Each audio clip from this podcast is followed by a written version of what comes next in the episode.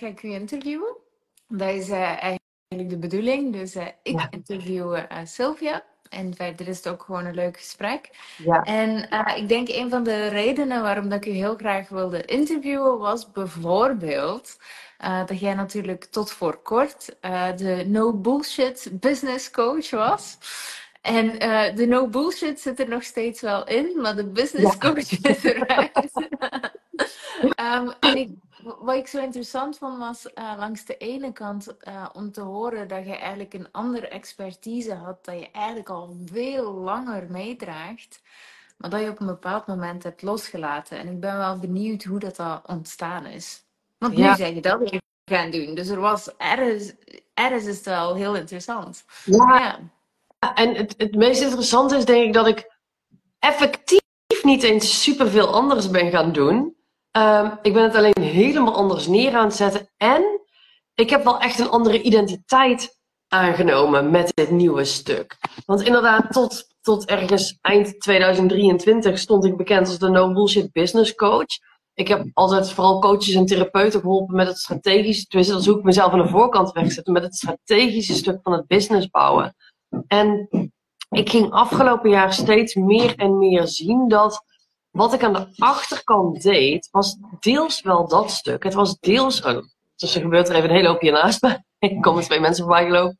Um, was het wel, wel deels dat stuk wat ik deed, maar het was zoveel meer. En waar ik eigenlijk het allerblijste werd, wat ik eigenlijk het allerleukste vond in de business die ik had en wat ik deed, was het stuk wat gebeurt er bij mensen nu eigenlijk in hun brein waar ze mee bezig zijn? Dus als iemand bij mij kwam, al was het met ja, ik vind het moeilijk om een ideale klant te bepalen, iets wat strategisch gezien wel handig is om te doen, dan keek ik al niet zozeer naar oké, maar hoe kunnen we dan die ideale klant puzzelen? Wat zijn je opties? Welke zullen we dan doen? Maar ik was veel meer bezig met oké, maar waarom kan je die keuze dan niet maken? Wat houdt je tegen? Wat vind je er spannend aan? Waar voel je dan de weerstand om die knoop door te hakken. Dus het was zoiets anders waar ik altijd op richtte. Alleen, ik zag het denk ik zelf heel lang niet. En daardoor bleef ik dat maar doen. Maar het zat, ja, voor de mensen die het boek Think, uh, wat was het? Um,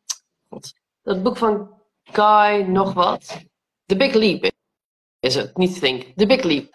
Um, ik zat heel erg te werken in mijn zoon of genius, dus iets waar ik heel goed in ben, maar niet in mijn zone of. Nee, ik zat te werken in mijn zone of excellence, iets waar ik heel goed in ben, maar niet in mijn zone of genius. Niet in hetgene wat ik te doen heb en te, en te brengen heb. En dat ben ik op een gegeven moment in gaan zien. Is, is dit een heel lang antwoord op je vraag? Ja, nee, nee, nee. Ik vind het super interessant. Ja. Ik, um, wat ik interessant daarin vind, is um, heel veel mensen komen bijvoorbeeld bij mij van, oh ja, oké, mijn talent. Hè? Want dat is natuurlijk een van de dingen die ik ook teach. En dan is het, oh ja, oké, ze, ze denken soms dat, je, dat het weer op te lossen is met je brein. Zo heel interessant. Zo, zo, zo oh ja, we gaan het strategisch oplossen. Oké, dus dan mijn missie bestaat uit mijn talent en mijn levenservaring. Want dat is het in principe als we nu een formuletje maken. Ja. En tegelijkertijd is het ook soms de ervaring die verder opbouwt en dat je inderdaad als business coach aan de slag gaat en dingen ontdekt en dan merkt van, oh wacht, we kunnen nog een niveau dieper. Ja, en het was voor mij ook, en toen ik, toen ik in 2019 deze business begon en toen, toen was ik nog heel aan het zoeken. En ik, ik, ik was ook hypnotherapeut. En ik weet nog wel dat ik toen. Ik, ik had en mijn hypnotherapiepraktijk, die gewoon heel goed liep. En daarnaast voelde ik, ik, wil, ik wilde iets met die business coaching kant. Dus die ben ik heel erg op gaan bouwen. En het was op een bepaald moment dat ik dacht, dit gaat niet meer samen.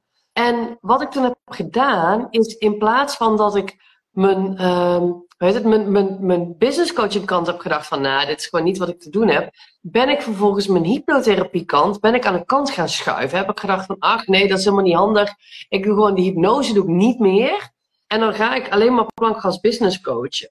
En eigenlijk is dus dat stuk met dat brein en dat stuk met hoe je denkt en hoe je naar de wereld kijkt en, en de, de bullshit verhalen die we onszelf vertellen, dat waar ik gewoon mijn achtergrond in had, ben ik een soort van aan de kant gaan duwen, want ik vond dat moeilijker in de markt te zetten. Ik dacht dat ik het niet kon combineren. En toen ben ik eigenlijk hetgene waar ik gewoon, waar, waar ik toen misschien al het grootste verschil in kon maken, ben ik gewoon aan de kant gaan duwen. En dat is achteraf gezien zo interessant dat ik wist wat ik kon. Ik wist wat er in mij zat. En dat stuk is, dat is het typische, dat dat stuk is eigenlijk alleen maar sterker en sterker geworden door de jaren heen. Omdat blijkbaar was mijn ingang altijd dat, dat brein wat we zo belangrijk hebben gemaakt. Wat je ook zegt, we denken allemaal dat we alles met ons brein op kunnen lossen. En de mensen waar ik mee werk zijn ook allemaal stuk voor stuk hele slimme mensen. En die hebben hun brein zo CEO van hun leven gemaakt dat, dat ze, ja, het is een beetje lastig uit te leggen. Maar een voorbeeld waaraan je kunt merken hoe, hoe ontzettend onhandig je brein eigenlijk is, is op het moment dat je besluit bijvoorbeeld te gaan ondernemen of, iets, of, of een baan in loondienst, wat je dan ook wilt gaan doen, maar dat je denkt, oh, ik ga iets nieuws doen. Dat heb je bedacht. Je hebt bedacht, oh my god, ik ga iets nieuws doen. Daar ben je super excited over. Of je hebt bedacht, oh, ik ga een relatie aan met die persoon. Of oh, ik ga verhuizen. Maakt me niet uit. Iets waar je excited over bent. Dat komt vanuit je brein. Maar het is datzelfde brein wat vaak drie seconden later zegt, wie denk jij eigenlijk dat je bent dat je dat gaat doen? Hoezo denk jij dat je dat kan? Hier zit echt helemaal niemand op te wachten. Dat is precies datzelfde brein. Dus hoezo maken we dat, hoe maken we die overtuigingen die, die uit die bovenkamer komen nog steeds zo belangrijk als je brein eigenlijk zo labiel als de pest is? Want het ene moment prijst het je de hemel in en het volgende moment breekt het je volledig af. Ja, dat vind ik echt zo magisch interessant. Ja, ja, zeker. Want hoe, hoe ga jij dan om met zulke mensen? Zulke mensen. We doen het, we doen het allemaal, hè, jongens. Zulke mensen. Ja, dus ik, ik doe dit ook nog, ja. Dit is wel menselijk, ja. Ja, nee, dus, maar, maar, maar, maar dus, hoe, hoe ga je daarmee om als mensen bij je komen? Ja, het is bij mij, het is voor mij altijd heel belangrijk dat we heel snel ontdekken wat het echte probleem is. En het echte probleem is eigenlijk nooit waar iemand mee binnenkomt. Dus iemand komt bij mij binnen. Stel dat iemand, um, iemand heeft een business en dat, dat loopt op zich, maar ze vinden, weet ik veel, nou ja, we zitten nu op Insta, maar ze, ze vinden zichtbaarheid vinden ze lastig, bijvoorbeeld. En dan kan iemand, oh, dan gaat hier weer de bel. En dan denk ik, Heerlijk. Ik, en Frans zit op de wc. Wacht, ik moet even de deur openen. Nee, nee, nee. Ik, ik lul het wel vol, hè? want ik kreeg hier al een heel mooi compliment van Dimi, dus heel cool. Dankjewel, Dimi. Um, ondertussen is uh, uh, uh, Sylvia eventjes naar het toilet. Nee, niet naar het toilet. Nee, ze is de bel gaan open doen. nu, nu, nee, Frans zit op het toilet en Sylvia moet de deur open doen. Ja, goed. Whatever. ik heb hem op een heel spontane manier volgenomen. Dat doe je fantastisch, dankjewel. Nee, wat ik dus al zei, is op het moment dat iemand, uh, en dan hoop ik trouwens dat de pakketbezorger niet naar boven komt, maar dat hij beneden gewoon op de brievenbussen legt in de centrale hal, want anders gaat hier zo weer de bel. Um, ik, ik, ik had gewoon naar kantoor moeten gaan, dan hadden we het allemaal geskipt. Maar op het moment dat iemand bijvoorbeeld bij mij komt en zegt, ja, mijn business loopt wel, maar ik heb angst voor zichtbaarheid, wat een best wel bekend containerbegrip is, dan dan is dat mijn ingang. Maar angst voor zichtbaarheid is nooit ons probleem. Faalangst is nooit ons probleem. Um, wantrouwen in de mensheid is nooit het echte probleem. Dus mijn, mijn eerste stap is altijd ontdekken, maar wat is nu je echte probleem? Want stel het is angst voor zichtbaarheid, dan kan daar niemand, niemand heeft altijd angst voor zichtbaarheid. Want als we in een restaurant zitten, willen we altijd graag maar iets te drinken bestellen. Of als we in de supermarkt zijn, willen we maar al te graag bij de cashier ook aan de kassa komen. En we willen graag als we op de snelweg zitten, dat die vrachtwagenchauffeur ons wel ziet in onze auto. Dus we willen allemaal zichtbaar zijn. Alleen we, hebben, we, verpakken heel veel van onze problemen onder een soort containerbegrippen, onder paraplu's. Waardoor we denken dat iedereen ons snapt. Alleen doordat het probleem dan zo ontastbaar is, is het voor je brein heel veilig. Want ontastbare problemen kunnen we niet oplossen, dus die houden we in stand. En mijn eerste stap met mensen is het altijd ontdekken, oké, maar wat zit hier nu echt? Dus als het angst voor zichtbaarheid is, waar ben je nu echt bang voor? Vaak is dat alleen maar iets heel, iets heel kleins, wat, wat heel heftig is en heel oud, wat ons brein heel groot maakt. Als we faalangst hebben, wat de fuck betekent faalangst? Waar ben je dan bang voor? Ja, dat ik faal. Ja, maar wat betekent falen? Ja, dat het mislukt. Ja, maar wanneer mislukt iets? Ja, als het niet gelukt is. Ja, maar wanneer is het niet gelukt? Ja, daar, daar weten de meeste is het al niet meer. En mijn werk bestaat dus, dus in eerste instantie echt uit graven naar wat is nu eigenlijk het issue waar je mee worstelt. Want echt verreweg de meeste mensen, ongeveer 100%, heeft geen idee wat hun echte issue is. Want ons brein, ons brein heeft liever dat alles blijft zoals het nu is. Ook al is dat niet fijn, maar nu weten we wat we hebben. En als we gaan veranderen, als we dit gaan oplossen, um, dan, dan, je weet niet wat er dan gaat gebeuren. Want stel nu dat jij, um, dat jij je heel verantwoordelijk voelt voor het resultaat van je klanten. En dat je eigenlijk altijd achter je klanten aanrent, dat je ze constant aan het pushen bent, wat je heel veel energie kost. En je loopt er compleet op leeg als je dan klanten hebt die toch niet de stappen zetten. En jij bent maar aan het trekken en aan het doen. En je komt bij mij met, ja, ik, ik ben echt heel het verantwoordelijkheidsgevoel beu. Ja, dan is eerst de vraag, is dat echt zo? Want het levert je iets op om dit gedrag te blijven doen. Als het je namelijk alleen maar iets zou kosten, dan was je er al lang mee gestopt. Dus we hebben te kijken, wat is het echte probleem? En waarom is het voor jouw brein, voor jouw onbewuste, zo ontzettend belangrijk dat je dit blijft doen? Uh, waar zit de veiligheid? En vanuit daar gaan we dan verder werken. Ja. Ja, die is mooi, want een van de dingen die ik wel herken, bijvoorbeeld als we het hebben over verantwoordelijkheidsgevoel bij klanten, ja, I'm all in.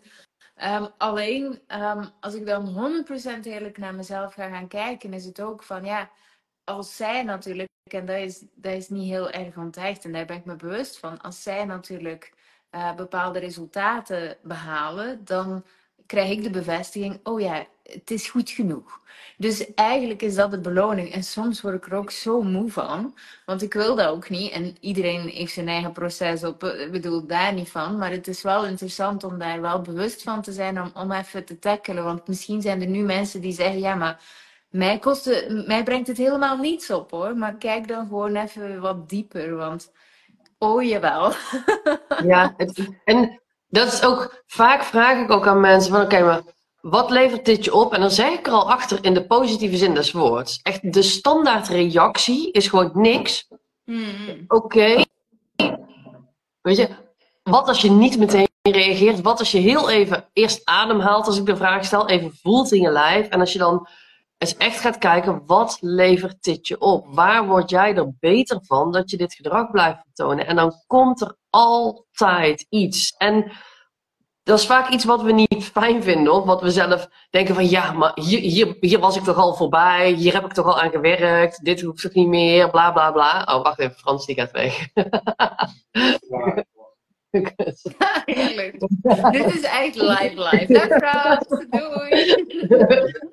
Werkt, uh, doei doei. ja, dan krijg je als je thuis zit. Ja. um, Even kijken, wat was ik nou in mijn verhaal? Ja, dat, dat op het moment dat ik doorvraag en je hebt gewoon, ook lief die hartjes die vervolgens allemaal in de comments komen. I love you guys. Um, maar je hebt, omdat ons brein wil ons houden op de plek waar we zijn. Dus je hebt iemand anders nodig die challenged wat je zegt, die doorvraagt, die, die, die die niet oké is met jouw bullshit. Ons brein is zo slim. Die maakt zoveel rare kronkels en verhalen om ons te houden waar we zijn. Want het enige doel in het leven van jouw onbewuste is om jou in leven te houden, veilig te houden en als het kan nog een beetje comfortabel. Ja, en aan ondernemerschap is gewoon erg weinig comfortabel. Het is zoveel stretch, het is zoveel groeien, het is zoveel spannende nieuwe dingen doen ja, jouw brein is gewoon de hele dag bezig met jou daar weghouden. Je bent eigenlijk de hele dag in gevecht met jezelf. Hmm. Ja, wat ik ook altijd zo mooi vind, um, en uiteraard, eh, ik zit een heel stuk op de strategie en dat kan ook niet. Eh, 80% is mindset en 20% is strategie. Dan zie je mensen altijd op zoek naar de golden nugget, want dan wordt alles ineens magisch. Hè? Ik denk dat we te veel tekenfilms gekeken hebben soms, maar goed.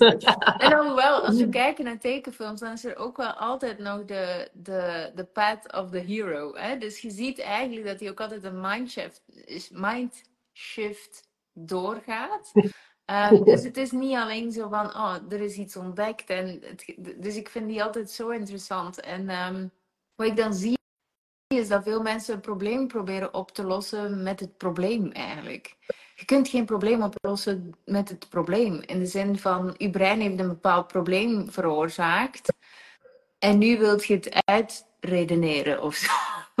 ja, ja, en dan ook nog lekker zelf doen. Vooral, vooral niet met iemand erover praten. Gewoon denken dat je het met een beetje journalen allemaal wel gefixt krijgt. Ja, het gaat gewoon. Ik heb zo vaak dat als ik klanten spreek en, en ik ze drie, vier vragen stel. Waar, ik ben altijd. Weet je, ik, ik, heb daar, ik heb daar ongeveer twee minuten voor nodig om bij iemand bij het echte probleem te komen. Ik zie het vaak al van een kilometer afstand. Ik heb dit zoveel gedaan. Ik weet welke vragen ik moet stellen. En je ziet dan heel, heel rustig die kwartjes vallen, frangen bij jullie. maar je ziet ze heel rustig vallen. En het is, het is vaak ook dat mensen dan teruggeven van... Oh, maar is... Oh, maar dat had ik helemaal, dat had ik helemaal niet door. Of dat heb ik zelf nooit gezien. Of, oh mijn god, maar nu, nu we daar zijn, dan... Weet je, dan, dan, dan... Alles gaat opeens op zijn plek, terwijl ze daar zelf nooit zijn gekomen. Ik heb mensen die gewoon die bij mij komen, die al twintig jaar bij, bij therapeuten hebben gelopen, die bij psychologen zijn geweest, die van alles al hebben gedaan, waar ik in vijf minuten gewoon even de vinger op de zere plek leg. Dat ze denken, fuck, waarom heeft niet iemand eerder dit gezien? Ja, en ik zie het vaak van een kilometer afstand. ja. Ja, ja. Maar dus als we het dan hebben van, hè, langs de ene kant zegt je, dan ga ik doorvragen. Um, wat in de, ik, ik, ben gewoon heel benieuwd naar de vorm. Dus, eh, sorry, mijn brein wilt ook wat. Um, langs de ene kant uh, de, de, dus doorvragen en langs de andere kant, als ik bijvoorbeeld bij u op een sessie kom en ik heb een bepaalde blokkade, ik denk dat daarmee het begint. Ik voel een bepaalde blokkade, iets wat ik graag wil, maar ik kom er niet. En dan kom ik bij u, toch? Zo werkt het, hè?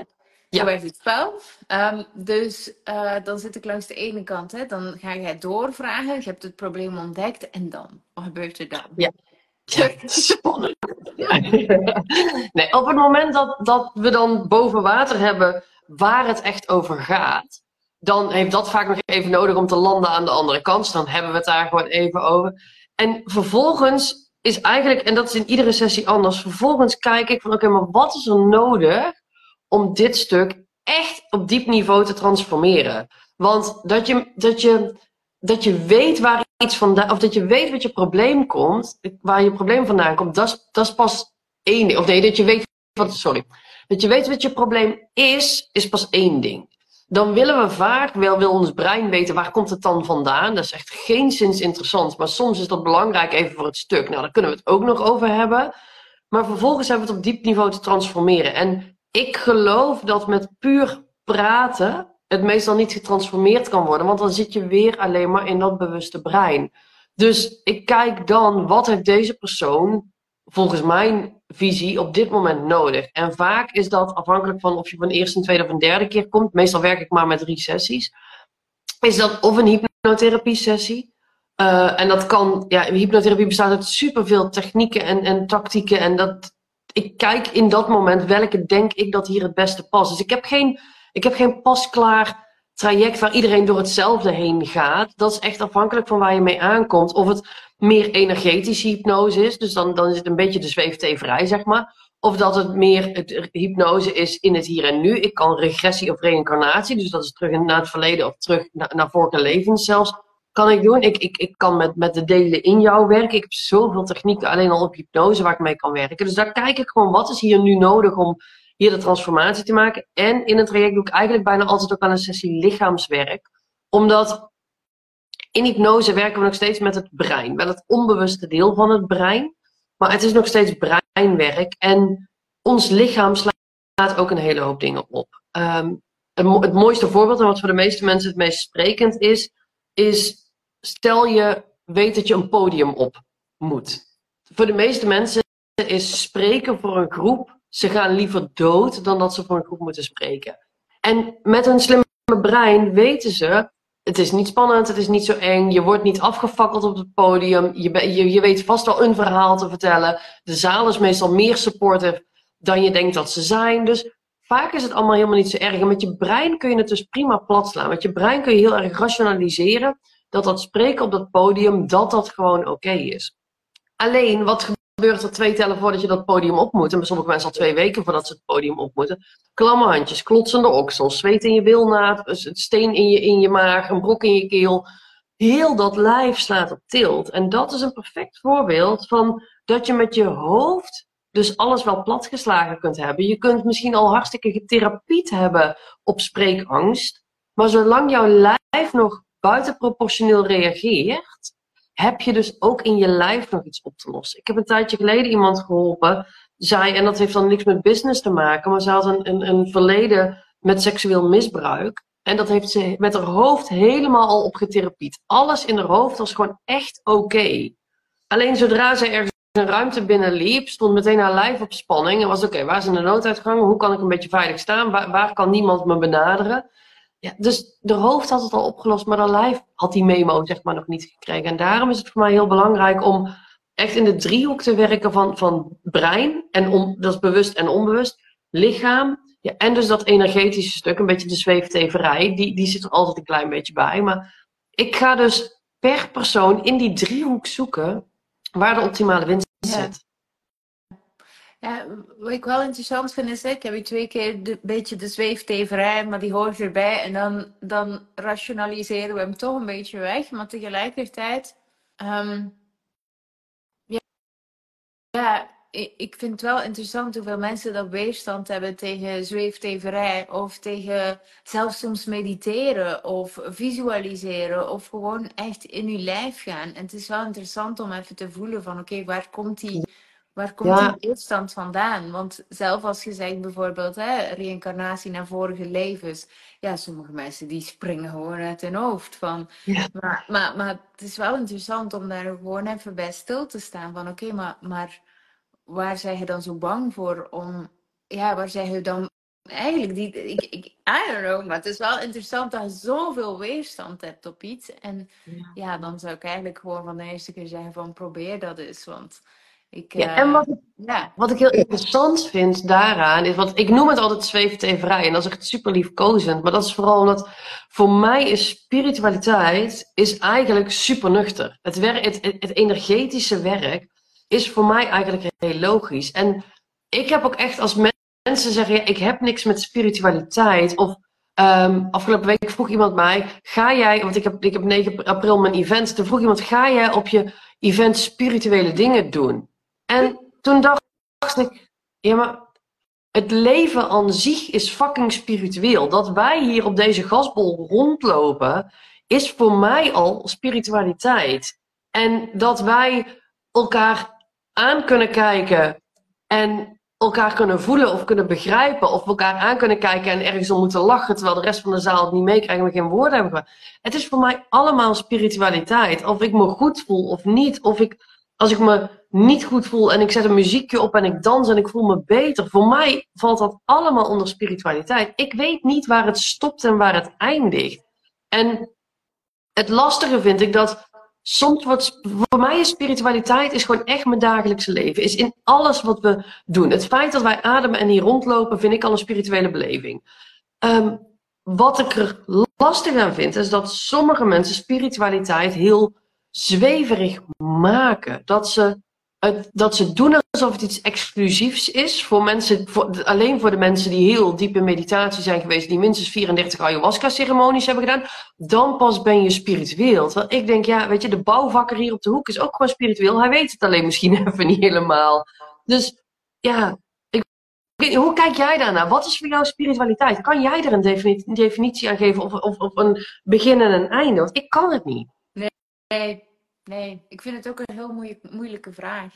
Ehm, wat ik wel merk is dat veel mensen uh, vanaf dat ze iets niet goed begrijpen of ergens um, bang zijn voor verdieping of kwetsbaarheid, dat ze dat neerzetten als oh, dat is veel te zweefteverig of veel te spiritueel of weet ik veel wat, om het dan maar in een vakje te steken van oh, dat is niks voor mij. Maar uiteindelijk gaat het wel over, ja weet je, als je dingen doet zoals als je dingen doet zoals ontdekken waar dat je please gedrag vandaan komt en waarom dat je geen grenzen kunt stellen. Als je ontdekt hoe dat, je, hoe dat komt dat je niet zichtbaar durft te zijn, hè? wat dat dan ook mogen betekenen hè? In, in die zin. Maar je wordt er niet alleen een beter mens van, maar, maar je leert het ook aan je kinderen dat ze, zich, dat, ze zich, dat ze veel anders mogen omgaan met hun gevoelens. En uh, dat, ze, dat ze mogen gaan staan voor hun waarde en weet ik veel wat. Dus ik denk vaak dat ja, mensen de verdieping niet opzoeken, maar weet wel dat die verdieping, dat je dat niet alleen doet voor jezelf. En dat klinkt dan bijna alsof dat ik een of andere slogan van de corona-epidemie en uh, je doet dit voor een ander. Dat bedoel ik dus helemaal niet. Serieus, maar, maar, maar langs de andere kant, als ik zelf me beter in mijn vel voel en daardoor ook het positieve ripple effect aan mijn omgeving kan meegeven, ja, I'll sign anywhere. En dan en dan ga ik graag die verdieping aan en die kwetsbaarheid aan. En ik denk dat dat wel interessant is om, om gewoon even bij stil te staan. Ja, het is fucking spannend. Ja, het is oncomfortabel. En het zal niet zonder, uh, zonder uh, emoties zijn. Maar goed, uh, um, hoe lang houd je dat dan nog vol? Dat, dat denk ik dan. Ja, en ik heb ook het gevoel dat um, mensen die zich heel erg afzetten tegen spiritualiteit, zijn vaak ik, ik, ken ze, ik ken er gelukkig niet heel veel, maar het zijn vaak de mensen bij wie het leven zwaarder is dan mijn leven. En het bijzondere vind ik dat de mensen die zich dus heel erg verzetten, die zitten vast in een leven wat, wat, wat, die, wat bijna lijden is, wat zwaar is, waarin ze gebukt gaan onder dingen, waarin ze vanuit eigenlijk de wereld overkomt mij, vanuit een slachtofferrol hun leven leven. En ik geloof heel erg dat op het moment dat je bereid bent om jezelf aan te kijken, op het moment dat je bereid bent spirituele dingen te doen, op het moment dat je bereid bent met zelfreflectie en, en zelfontwikkeling aan de gang te gaan, je leven wordt echt leuker en fijner en makkelijker. En als ik kijk, weet je, ik, ik, ik ben niet altijd helemaal verlicht geweest. Ik ben nog steeds geen sinds verlicht. Maar ik heb, ik heb uh, depressies gehad. Ik heb een burn-out gehad. Ik heb heel veel ongelukkige periodes in mijn leven gekend. En als ik kijk hoe mijn leven nu de laatste jaren is, ik kom echt wel hobbels tegen. Zeker, zeker als ondernemer kom ik echt wel dingen tegen dat ik denk, oh god, kom ik weer mezelf tegen, kom ik weer die hobbel. Had ik dit niet al gefixt? Was ik hier niet alweer bezig geweest? Maar als ik on a daily basis naar mijn leven kijk, ik heb het echt gewoon leuk en ik heb het fijn en mijn dagen zijn niet zwaar. En ik heb het idee, ik denk ook dat als iemand mij tien jaar geleden ja, ongeveer tien jaar, ja, iets meer dan tien jaar geleden zat ik met mijn burn-out. Maar ook die periode daarnaast. Iemand mij toen had verteld dat ze een leven hebben wat eigenlijk altijd gewoon leuk is. En waar ze zich fijn voelen. En sterker nog, als ze zich niet fijn voelen, dat ze eigenlijk methodes hebben om binnen een paar minuten je beter te voelen. Had ik ook gedacht, je bent niet helemaal wijs. Uh, weet je, met, je, met je gezweefd vrij. En dat kan niet. Omdat ik, ik was nog niet op de hoogte van de wereld waarin ik nu leef. Ik was er niet van op de hoogte dat je leven een heel groot stuk maakbaar is. Dat hoe je brein werkt. Dat, dat gedachten geen feiten zijn. Dat je niet hoeft te blijven hangen in ellende. Dat je altijd een keuze hebt hoe je ergens mee omgaat. Weet je, de situatie kun je niet altijd veranderen, maar hoe je erin staat, hoe je ermee omgaat, dat is echt aan jou. En dat is voor mij ook spiritualiteit. Gewoon controle pakken over een stuk van je brein. Verantwoordelijkheid pakken over je eigen leven en over hoe jij je voelt uit die slachtofferrol stappen en stappen in, hé, hey, maar als alles maakbaar is, als ik volledig verantwoordelijk ben voor alles wat mij gebeurt en hoe ik me daarbij voel, hoe kan mijn leven dan zijn? En, en ja, ik denk dat dat misschien wel de kracht is van spiritualiteit, dat je leven een stuk maakbaarder wordt, maar dat je gewoon simpel, echt, dat je simpelweg gelukkiger gaat zijn. Ja. Ja, ik, ik herken dat stukje ook wel, uh, want ik heb ook een burn-out gehad. Geen depressie, maar een burn-out. En um, wat ik toen had, was ik, ik werd echt letterlijk hard. Um, ik had het gevoel dat ik hard was, uh, fysiek, dat echt alles vast zat gewoon. Um, gelijk bijna een of ander harnas of zo, ter bescherming van de buitenwereld, maar ook van binnen uh, hard. En dan, dan heb je zodanig veel lage bescherming dat je vooral heel eenzaam daar van binnen bent. En, en vooral ja, ik denk dat mijn grootste verlangen was van iemand die mij zou zien hoe dat ik echt zou zijn. En tegelijkertijd hebben ze dan al die lagen erover gebouwd. Zodat dat is vaak ook je grootste angst dat mensen dichtbij kunnen komen. Ja, ja, ja maar, dus, maar kunt je voorstellen dat als je zo in het leven staat en je hebt een, een man die je zielsgraag hebt en je hebt twee kinderen en en die laag zit daar constant tussen. Dat is gewoon heel vermoeiend voor jezelf en ook voor de anderen. Ehm, en voor mij is dat wel begonnen met aan te kijken van oké, wat gebeurt er hier? Waar ben ik nu echt bang voor? Um, en, en daar inderdaad naar te gaan kijken. En dan voelt je je stuk beetje bij beetje gewoon zachter worden. En ik ga eens herkennen dat die laag niet soms nog opkomt. en, soms, en soms is die ook heel waardevol. Soms is het heel helpend om je even. Weet je, als je bijvoorbeeld lelijke berichten, lelijke comments krijgt onder je post of zo, dan kan het heel helpend zijn om even dat panzer op te trekken en te denken: jongens, doei. Um, alleen het is gewoon heel waardevol als je, als je überhaupt al beseft dat je dat panzer hebt en als je de controle erover kunt pakken. Weet je, ik, ik, ik vind het ook zo magisch dat ik, omdat ik me daar heel bewust van ben. Als ik hier de deur uitloop en ik loop de stad in, um, dan. En het is voor iedereen leuk. Als je vandaag nog even ergens onder de mensen kunt komen, al ga je maar even naar de supermarkt of zo, moet je eens kijken wat er gebeurt als jij denkt van, nou, ik, ik sluit me gewoon af. Ik, ik, ik sluit mijn energie af. Ik heb geen zin in mensen. Je wordt, vaak word je dan ook al. Ik, ik, word zelf al meteen een beetje chagrijnig als ik. Ik heb ook helemaal geen zin in mensen. Ik sluit me af. En je loopt dan bijvoorbeeld door een supermarkt of een stad. Mensen lopen tegen je aan. Mensen kijken ook chagrijnig. Het, het, je hebt ook het idee dat iedereen haast heeft. De sfeer is helemaal niet lekker. Terwijl als ik hier de deur uitloop en ik denk: oh my god, mensen en gezellig en contact maken. En ik loop al met een lach op mijn gezicht de deur uit en ik lach naar mensen en ik groet mensen. En dan, dan is het zoveel lekkerder door de stad lopen. Maar het is precies dezelfde winkelstraat. Het zijn precies dezelfde mensen. Maar mijn staat van zijn bepaalt of ik een leuke wandeling heb. Of leuk in de supermarkt heb. Of dat, of dat het niet gebeurt. Ik heb echt dagen dat ik denk, oh ik wil even in mijn eigen cocon. Dan trek ik hem dicht. En als ik dan naar de supermarkt ga, praat ik ook met niemand. Ik ga naar de zelfscankassa. Ik doe gewoon echt even oogkleppen op, ik doe mijn boodschappen, ik kom buiten. Ik heb nergens verbinding gemaakt. Maar bij mij, verreweg de meeste keer als ik naar de supermarkt ga, ik heb altijd ergens een raar praatje. Mensen komen altijd aan mij vragen of ik iets.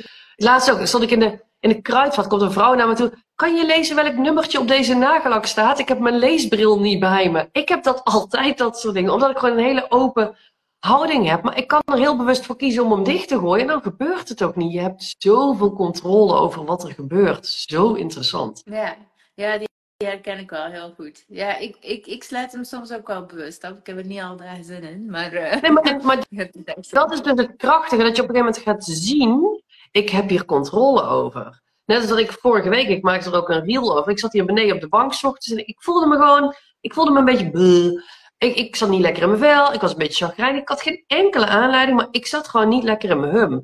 Wat ik vroeger deed was, nou ja, dan had ik dus een kutdag. Dus ging chagrijnig douchen, ging chagrijnig ontbijten. Ik ging chagrijnig naar kantoor, ik ging chagrijnig mijn calls in. Ik deed alles chagrijnig. Waarschijnlijk werd ik dan ook afgesneden, was het stoplicht overal rood. Weet je, dan, dan, dan ga je alleen maar letten op de dingen die niet fijn zijn.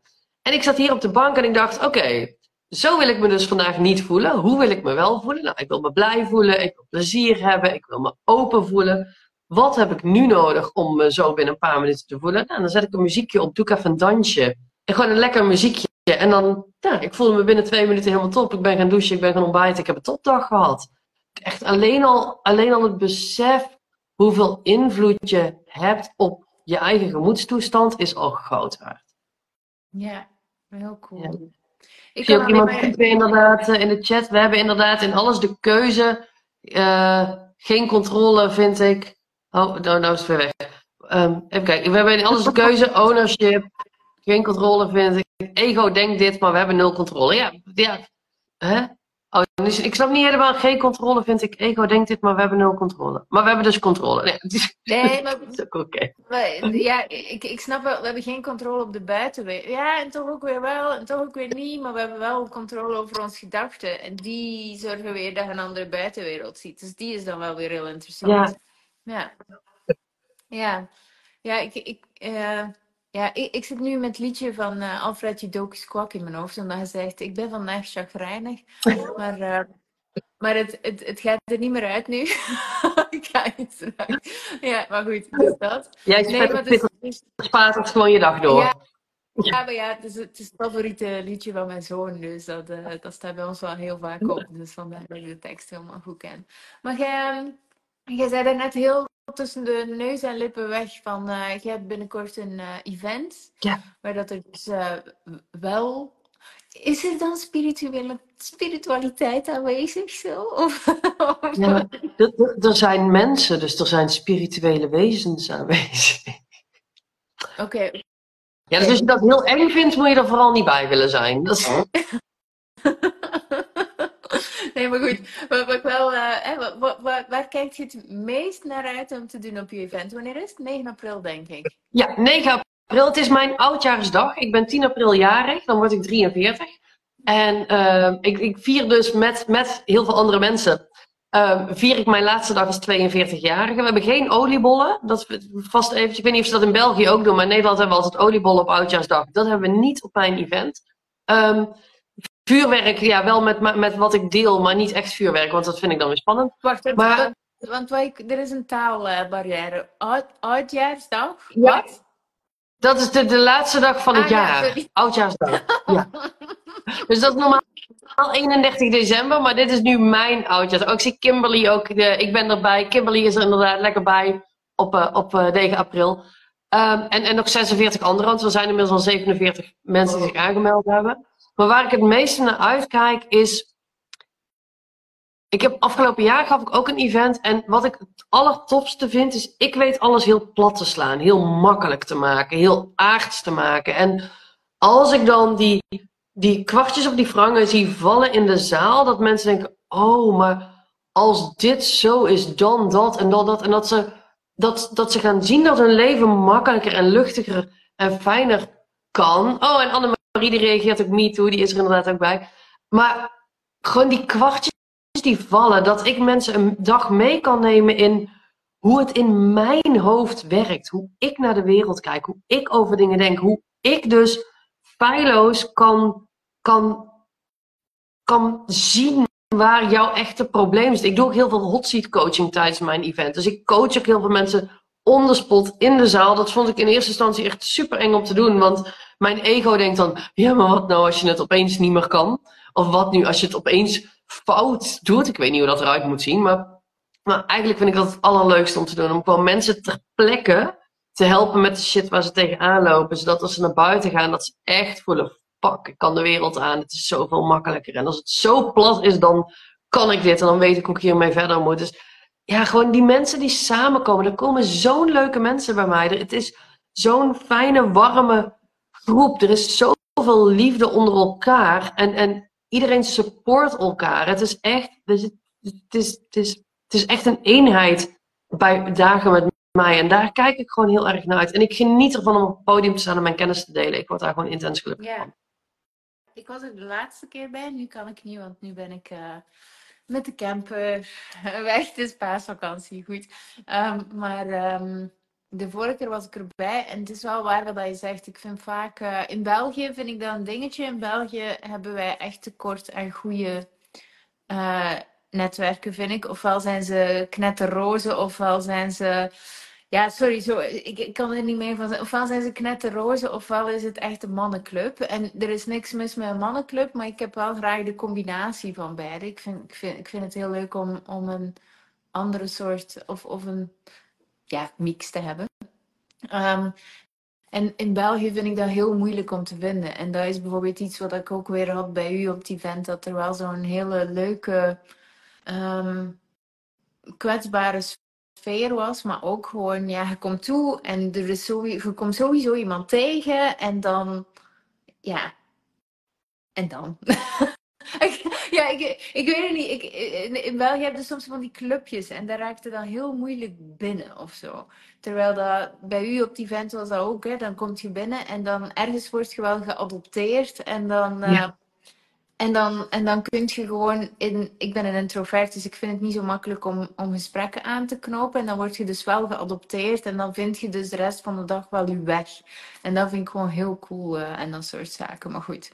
En dat is, dat is wel iets typisch wat ik altijd in die kring een beetje zie bij jullie daar. Maar, uh, maar veel minder bij ons. Ja. ja, ja, en ik vind dat juist. Ik stimuleer dat ook echt. Volgens mij heb ik het vorig jaar ook gezegd op mijn event van joh, als je nou straks ergens alleen staat, loop gewoon naar een groepje toe en zeg: Mag ik bij jullie? En, en er wordt nooit nee gezegd. En als een groepje iemand alleen ziet staan, inderdaad, haal diegene er gewoon bij. Mens, ik, ik, vind, ik vind mensen die ik nog niet ken altijd de meest interessante mensen, want, want daar kan ik nog alles aan ontdekken. En ik vind het zo fijn dat bij mij ook echt de mensen komen die zo open zijn. Dat er ook mensen zijn die alleen naar mijn event toe komen. Dat vind ik altijd zo stoer als ze dat doen. Ja, ik doe het ook heel makkelijk naar andere events. Maar ik weet dat heel veel mensen dat spannend vinden. Maar dat mensen dus de veiligheid voelen om helemaal in hun uppie naar mijn event te komen. Terwijl ze niemand kennen. Omdat ze gewoon weten. Hé, hey, maar bij de mensen die bij Sil komen. Komt het altijd goed. Het zijn, het zijn, het zijn allemaal mensen die, die een doorpakkersmentaliteit hebben. Het zijn allemaal mensen die niet in de slachtofferrol zitten en die controle pakken, of in ieder geval willen pakken, over hun eigen leven. Maar tegelijkertijd zijn ze ook gewoon super benaderbaar en lief en vriendelijk. En ja, I, I just love it. Ik heb daar nog een vraag over, want ik weet het gewoon niet. Dus ik ben, uh, ik ben heel onvoorbereid. Loopt er nu nog iets speciaal rond de live dag of, uh, of, uh, is, of niet? Voor het event bedoel je? Ja. Ja, um, nee, ik, ik zit nu. We zitten nu in de, in de fangirl pre-sale. Dus dat is eigenlijk. Fangirl? Ik hoorde er ja. mannen komen dan? Of nee, wel? Nee, er mogen mannen komen. Ik heb nu ook twee tickets aan mannen verkocht. maar ja, verreweg de meeste mensen die op mij afkomen zijn vrouwen. Dus ik, ik zit nu in de fangirl pre-sale. En dat wil zeggen, ik heb echt alleen maar een datum. Ik heb nog geen locatie ik weet stiekem zelf het thema, of in ieder geval de rode draad van de dag al. En die blijft voorlopig echt nog super geheim. Um, maar ik zit dus nu in de Fangirl pre-sale. Dat is tot 50 tickets. Ik heb dus nog drie tickets voor de Fangirl prijs. En daarna gaat de prijs omhoog. En ergens aankomende week komt ook de sales page live. Die is er ook gewoon nog niet. Uh, en dan gaat de prijs nog wat omhoog. Dus ja, voor mensen die zeggen: Oh my god, dit klinkt echt fantastisch. Dit lijkt me leuk. Ga eventjes, als je op Insta kijkt, gewoon naar mijn link in bio. Daar staat de link voor het event. En als je dit als podcast luistert, want hij komt ook als podcast online. Um, ga even naar mijn Instagram, Sylvia. En klik op de link in bio. Uh, zelfde laken pak. En uh, vanaf 50 gaat de prijs dus iets omhoog. Er komt aankomende week ergens een sales page. Maar ja, ik, ik, ik weet. Ik, ik ben niet van het alles uitkouwen voordat we het gaan doen. Want ik laat ook heel veel dingen in de dag zelf gewoon ontstaan met de mensen die er zijn. Want je, de mensen die er zijn bepalen waar ik het over ga hebben. Mm, die ken ik. Ja. ja. Maar er zijn dus gewoon lekker tickets te koop. We zijn al met 47. Uh, en, en, en ja. Ja, ja, het gaat. Ja. Maar dat er dus, dit vind ik ook zo magisch. Dat er zijn dus 47 mensen die eigenlijk hebben gezegd: Sil, het maakt me niet uit wat je gaat doen. En het maakt me niet uit waar het is. Maar ik wil er hoe dan ook bij zijn. Ja, dat vind ik echt fantastisch. Ja, ja. ja heel cool.